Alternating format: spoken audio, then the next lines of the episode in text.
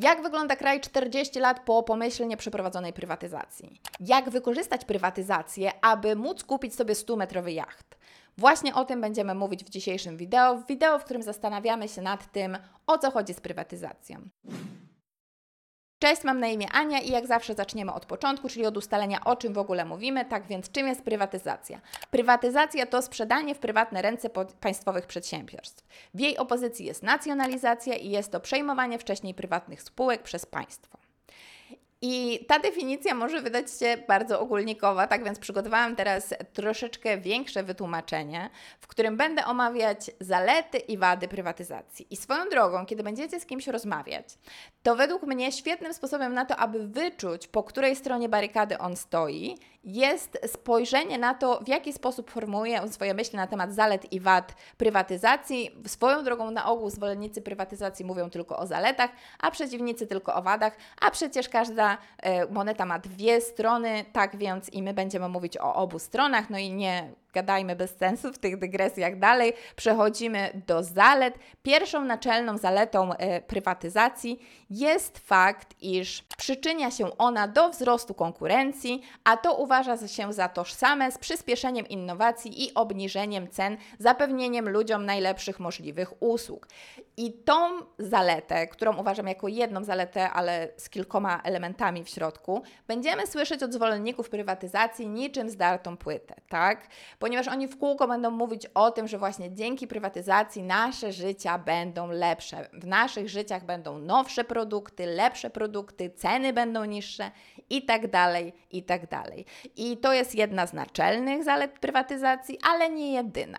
Wśród innych zalet mamy na przykład wpływ gotówki do skarbu państwa, umożliwienie ludziom bogacenia się, odseparowanie przedsiębiorstw od cyklu wyborczego, co swoją drogą jest tak naprawdę bardzo korzystne czasami, ponieważ y, w innym wypadku przedsiębiorstwa państwowe są zależne od tego cyklu wyborczego, w którym politycy coś tam nam obiecują, w związku z tym nie będą zwalniać pracowników, pomimo tego, że z punktu widzenia biznesu powinni zwolnić pracowników i tak dalej, i tak dalej. Tak więc to jest takie trochę czasem mhm, mhm, mhm. No właśnie, ale to są zalety prywatyzacji, a teraz przejdziemy też do wad i jakie to są te wady. No rozpocznijmy od przekazania przychodów z przedsiębiorstwa w ręce prywatne. I ta wada jest tym bardziej dostrzegalna, ponieważ spółki te są sprzedawane za bezcen. Czyli chodzi po prostu o to, że spółki te nie są sprzedawane po swojej wartości rynkowej, czyli chodzi po prostu o to, że Skarb Państwa zamiast dostawać na przykład 800 miliardów, dostanie tych miliardów 10 albo 20. I jakby tak czy siak się cieszymy, bo przecież to jest duża liczba i mówimy sobie uhuhu, ale super, w ogóle mamy 10 miliardów, ale nie bierzemy pod uwagę tego, że powinniśmy dostać 10 razy więcej, 100 razy więcej, 500 razy więcej, no nie wiadomo, w różnych sytuacjach to są różne różnice. I robiąc research do tego wideo, słuchajcie, lustrowałam różne prywatyzacje z różnych krajów, chyba z kilkudziesięciu spółek i powiem Wam, że żadna z tych spółek nie została sprzedana z zawyżoną ceną, czyli tak, żeby państwo zarobiło więcej a znacząca większość była sprzedawana tak, że ta cena była za niska. Więc myślę, że mówimy tutaj po prostu o swojego rodzaju trendzie. Inną wadą związaną z prywatyzacją jest negatywny wpływ, jaki prywatyzacja ma na system emerytalny. I możliwe, że teraz sobie myślicie, Ania, w ogóle o czym ty mówisz? Przecież jak prywatyzacja może mieć wpływ na system emerytalny? No otóż może mieć i ma i to bardzo duży. Przede wszystkim problem polega na tym, że bardzo często prywatyzacja kończy się zwolnieniami. W związku z tym olbrzymia ilość ludzi, którzy odkładają pieniądze na swoje emerytury, przestaje to robić i w związku z tym ich emerytury w przyszłości będą niższe. Czyli istnieje większe prawdopodobieństwo, że będą oni doświadczać czegoś, co jest nazywane ubóstwem emerytalnym, no ale to nie jedyny problem. Drugi problem jest taki, że ponieważ zostali zwolnieni, to przestali odprowadzać swoje składki emerytalne. I to sprawia, że nie ma pieniędzy na emerytury, które trzeba wystawiać, wy, wypłacać teraz. Bo system emerytalny nie działa na zasadzie, że o, ja sobie odkładam moje 5 zł i za 20 czy tam 30 lat dostanę dokładnie to samo 5 zł, które wypłaciłem. Nie. To chodzi o to, że ludzie na bieżąco wpłacają pieniądze i na bieżąco te pieniądze są wypłacane emerytom, którzy teraz są emerytami. W związku z tym, jeśli mniej ludzi będzie wpłacało, to jest mniej pieniędzy na emerytury, no i te pieniądze po prostu państwo musi brać skądś indziej. W związku z tym wszystkim, wydaje mi się, że powinniście już w miarę widzieć, iż sytuacja z prywatyzacją jest dużo bardziej skomplikowana niż często jest to przedstawiane w mediach, ale mam nadzieję, że do tej pory wysnuliście, wyciągnęliście z tego, co mówię, dwa wnioski. Po pierwsze, prywatyzacja jest świetnym zastrzykiem gotówki dla państwa, które takiego zastrzyku gotówki potrzebuje, ale ponieważ odbiera państwu dochód i sprawia, że ludzie zostają zwolnieni, przysparza bardzo wielu problemów, które w przyszłości mogą odbić się nam czkawką. No i wiedząc już o tym, wydaje mi się, że czas, abyśmy przeszli do przykładów, ale chciałam jeszcze najpierw omówić wolny rynek, bo wolny rynek to też jest coś, co bardzo często pojawia się e, w rozmowach na temat prywatyzacji.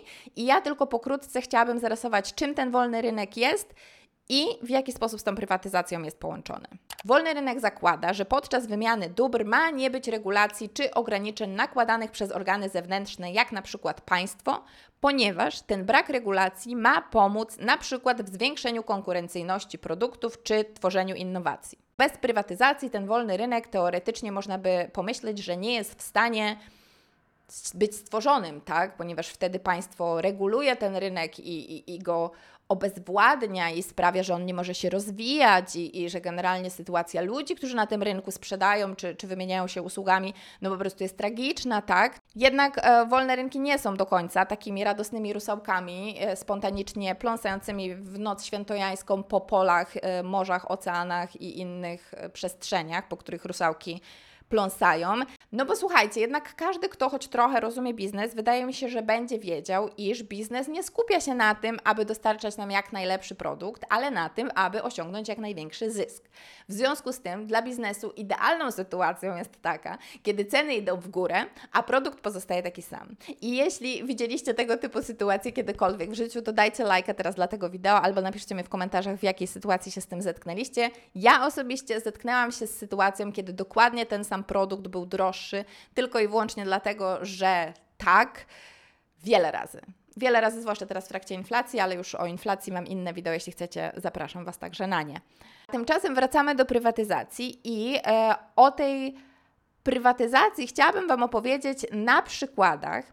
I pierwszym przykładem, do którego będę się odwoływać, jest wszystko to, co działo się w Wielkiej Brytanii od lat 70. do teraz. I w latach 70. XX wieku w Wielkiej Brytanii, słuchajcie, nie działo się dobrze. Tam było bardzo źle, tak? Były protesty, były masowe zwolnienia, ludzie wychodzili na ulicę, były strajki i tak dalej. No, działo się i powiem Wam, że kiedy Margaret Thatcher obejmowała stanowisko premiera, to miała naprawdę ciężki ciężki orzech do zgryzienia, tak? Ponieważ po pierwsze miała problem z tym, że państwo nie generowało zysków, a po drugie też miała problem z tym, że ludzie byli niezadowoleni. No i co ona mogła zrobić? No ona przede wszystkim zdecydowała się na początku skupić na budowaniu różnego rodzaju oszczędności, czyli zabieraniu pieniędzy z różnego rodzaju instytucji państwowych, tak aby te pieniądze można było przekazać na coś innego a potem skupiła się na prywatyzacji. I Margaret Thatcher w tamtym czasie, pomiędzy 1979 a 1990 rokiem, sprywatyzowała według mnie wszystko, co się dało tak? I ja teraz wymienię Wam listę wszystkich tych firm, które zostały sprywatyzowane, więc możecie sobie je zanotować i, i jakby sami się zastanowić, czy aby może jeszcze tam jest coś dodatkowego, co mogłoby ulec tej prywatyzacji, o czym ja nie pomyślałam. Napiszcie mi to wtedy w komentarzach. No więc, pomiędzy 1979 a 1983 rokiem sprywatyzowała British, Pe British Petroleum, British Airspace, Cable and Wires, National Freight Corporation, Brit Oil, British Ports. Pomiędzy 1983 a 1987 sprywatyzowała Enterprise Oil, Jaguar, British Telecom, British Gas, British Airways, Rolls-Royce, Airport Authority. A pomiędzy 1987 a 1990 sprywatyzowała jeszcze British Steel, Water i Electricity. Tak więc tak. Mhm. Czy Wielka Brytania potrzebowała aż tak wielkiego zastrzyku gotówki, aby pomóc e, krajowi się dalej rozwijać? Nie wiadomo. I ja powiem Wam szczerze, że nie mam odpowiedzi na to pytanie, bo, bo, po prostu to jest pytanie bardzo złożone.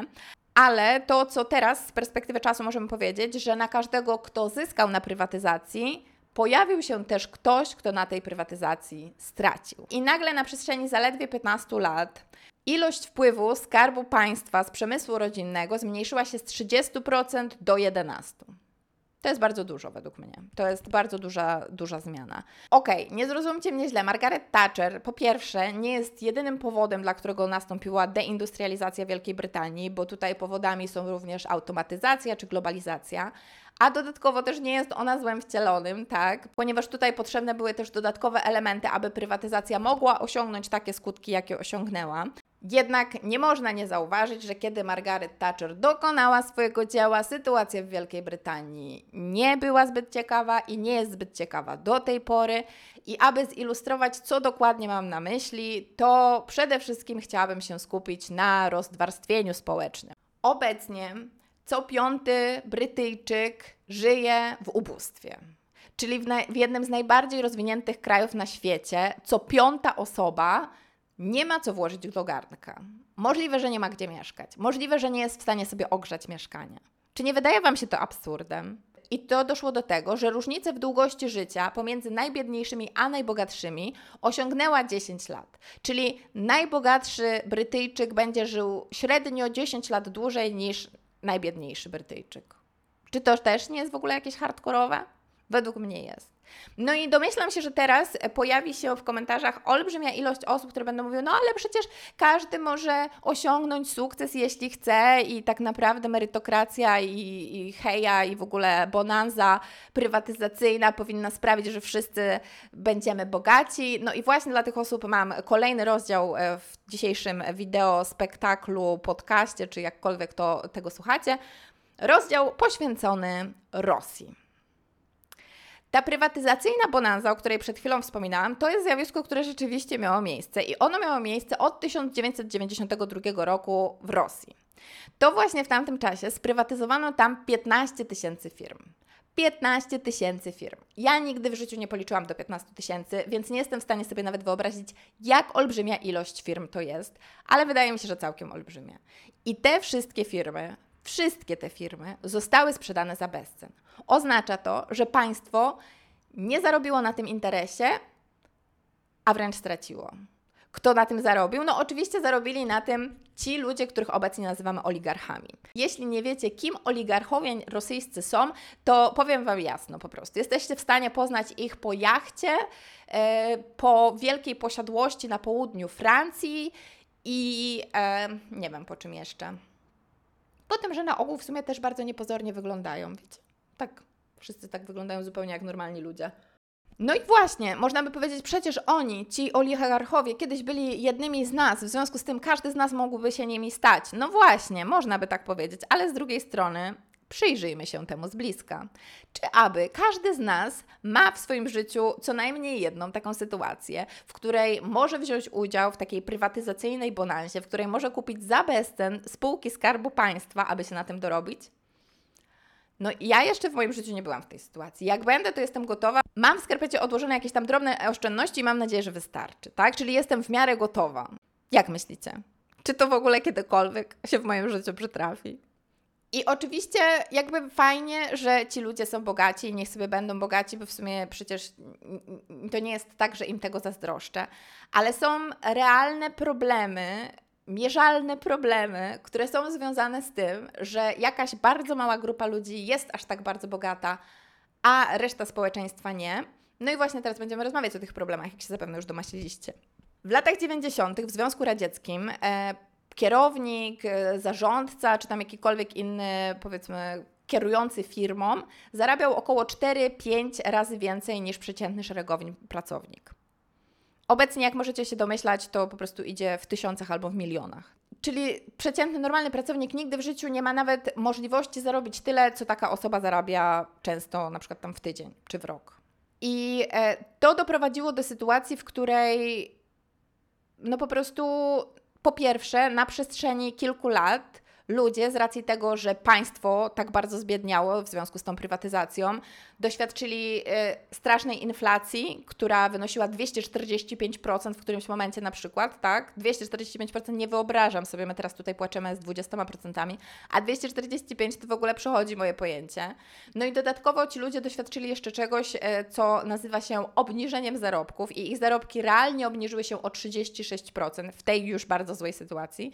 Tak więc oni po prostu obudzili się z tak zwaną ręką w nocniku i chyba już w ogóle no, nic nie byli po prostu w stanie z tym zrobić, tak? Bo po prostu byli w złym miejscu, w złym czasie.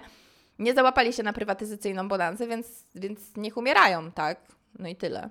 Według Rosstats ponad 18 milionów Rosjan, czyli 12,3% populacji, żyje w skrajnym ubóstwie. I mówię o tym dlatego, iż jako, że już wspominałam o tej sytuacji, która miała miejsce w Wielkiej Brytanii i teraz wspominam o tej sytuacji, ponieważ y, dla mnie fascynującym jest, iż prywatyzacja w dwóch krajach, w dwóch skrajnie różnych krajach, w różny sposób zarządzanych, w różny sposób y, jakby prezentujących się na arenie światowej, doprowadziła do dokładnie tego samego. Do rozwarstwienia społecznego, w którym niektórym żyje się dobrze, a innym ledwo co się żyje tak naprawdę, bo przecież też co to za życie, kiedy żyje się w skrajnym ubóstwie, to w ogóle bardzo często się wtedy na przykład przyjmuje te niewolnicze prace, o których tutaj często mówię, tak, które są wynikiem wolnego rynku, kapitalizmu i innych tam tych rzeczy. Nie wiem, czemu zrobiłam ten teraz dla słuchających zrobiłam niby cudzysłów, ale przecież to nie było nic w cudzysłowie, tak więc dla mnie to jest fascynujące. I, e, I tutaj jakby Wydaje mi się, że jest jeden bardzo ważny element prywatyzacji, na który trzeba zwrócić uwagę, aby móc w pełni zrozumieć całe spektrum tego, czym prywatyzacja jest. I aby o tym opowiedzieć, chciałabym się odwołać z powrotem do Wielkiej Brytanii, tym razem do tego, jak sprywatyzowała Wielka Brytania swoje koleje i to zrobiła już nie Thatcher, tylko kolejny rząd. No i właśnie, co tam się w ogóle wydarzyło? E, to był proces niesłychanie skomplikowany i taki zagmatwany, ale ja wyszczególniłam sobie tutaj na karteczce cztery ważne punkty tego procesu, które wydaje mi się, że w jakiś taki w miarę prosty sposób powinny Wam wytłumaczyć, co tam się stało i jaki był problem. Po pierwsze, próbowano sprywatyzować sektor, który był nieopłacalny, więc aby uniknąć okrutnych prywatyzacyjnych cięć, zdecydowano się wykorzystać model franczyzowy, w którym firmy wynajmowały od państwa różne elementy kolei brytyjskich. Po drugie, ten model franczyzowy zakładał, jakich pociągów, na jakich torach, w jakich godzinach, z jaką częstotliwością franczyzobiorca miał dostarczać, przy okazji narzucając na przykład, jakie lokale mają być e, wynajmowane pod biura i tak dalej, i tak. Po trzecie, Większość firm wynajmujących koleje nie wygenerowała zysków, ponieważ y, miały tak bardzo dużo ograniczeń i tak bardzo dużo regulacji, że tym samym y, nie byli oni w stanie uregulować opłat franczyzowych. A po czwarte, dopiero kiedy koleje zostały na nowo znacjonalizowane w związku z sytuacją ekonomiczno-społeczną, ich usługi spotkały się z pozytywną oceną klientów, którzy nie tylko byli zadowoleni z punktualności, ale także z cen czy z samej jakości usług. Słuchajcie, i mówię o tym przykładzie dlatego, ponieważ według mnie ta historia prywatyzacji kolei brytyjskich jest po prostu idealnym przykładem na to, że bardzo często to, co jest w rękach państwa, jest w rękach państwa z jakiegoś powodu. I jednym z powodów ku temu jest fakt, że po prostu niektóre usługi mają służyć ludziom, a nie generować nie wiadomo jakie wielkie zyski. I to jest niesłychanie ważne, aby zdawać sobie sprawę z tego, że jednak państwo warto by było, aby brało pod uwagę swoich obywateli i starało się dostarczać im usługi, takie, które na przykład umożliwią im dojechanie do pracy ponieważ po prostu no, państwo ma być dla ludzi, tak? Nie żyjemy w systemie feudalnym, gdzie było kilka osób, które decydowało, co ma się dziać, tylko jednak, no, bez tych ludzi demokracja nie będzie możliwa, prawda? Więc jakby, no nie wiem. Mnie się to wydaje takie zupełnie oczywiste, że aż nie umiem do końca wytłumaczyć, o co mi chodzi. A chodzi mi też po prostu o to, że y, ta Prywatyzacja kolei brytyjskich to była w ogóle największa porażka ever. Pomijając już to, że to była porażka dla samej Wielkiej Brytanii, to ten model nigdzie nie został zreplikowany, co jakby dodatkowo jest porażką samą w sobie, bo, bo Wielka Brytania zawsze e, uważała się za, za jakby takie prywatyzacyjne guru, bo oni wiedzą jak to robić i tak dalej. No właśnie, ale pokazuje to według mnie bardzo dobrze, że prywatyzacja pomimo swoich korzyści też nie dzieje się w próżni i warto pamiętać, że niektóre spółki mają służyć ludziom, a nie generować te zyski. Powiedziałam dwa razy to samo zdanie, no ale już trudno, musi tak zostać, bo nie wiem już teraz, jak w to wszystko powiedzieć od nowa. Tak więc e, właśnie, przygotowałam ten odcinek w ogóle, słuchajcie, dlatego, że widzę, co dzieje się w Polsce, widzę te cięcia kosztów, widzę te zamykane szpitale, widzę e, brak podwyżek dla nauczycieli i widzę niezadowolonych pacjentów. Swoją drogą tutaj na kanale pod innym wideo mi komentowaliście, że jesteście niezadowoleni z służby zdrowia i że jesteście niezadowoleni z tego, co robią lekarze e, i jesteście niezadowoleni z tego, co robią nauczyciele. Nie chcecie, żeby strajkowali, nie chcecie, żeby dostawali podwyżki i tak dalej. A prawda jest taka, że no, e, cięcia kosztów i e, redystrybucja budżetu państwa w taką stronę, aby właśnie te instytucje nie dostawały pieniędzy, wpływa na to, jaka jakość usług jest świadczona. I obserwując to wszystko, z niepokojem przyglądam się temu, co wydaje mi się, że powoli staje się coraz bardziej nieuniknione, a mianowicie bardzo boję się tego, iż zarówno służba zdrowia, jak i e, edukacja w Polsce powoli staje się coraz bardziej sprywatyzowana i ten, kto nie był u prywatnego lekarza, niech teraz pierwszy rzuci kamieniem.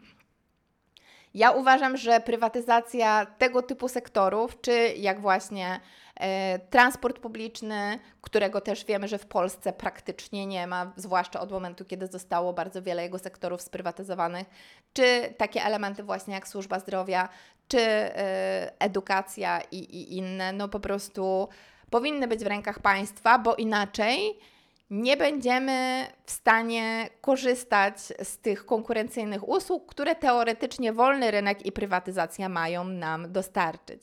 Rozwarstwienie społeczne i te przepaści ekonomiczne pomiędzy ludźmi to jest olbrzymi problem i będzie pojawiać się więcej odcinków, w których będę się tym zajmować i w którym będę to opisywać, ponieważ uważam, że y, musimy wiedzieć więcej na ten temat, aby móc spróbować z tym walczyć. I mam nadzieję, że i Wy dołączycie się do tej walki. Boże, jaką przemowę walnęłam taką na koniec, jakbym była jakimś politykiem, albo co najmniej jakbym w grze o tron próbowała sobie zjednać innych królów, aby okrzyknęli mnie królem północy.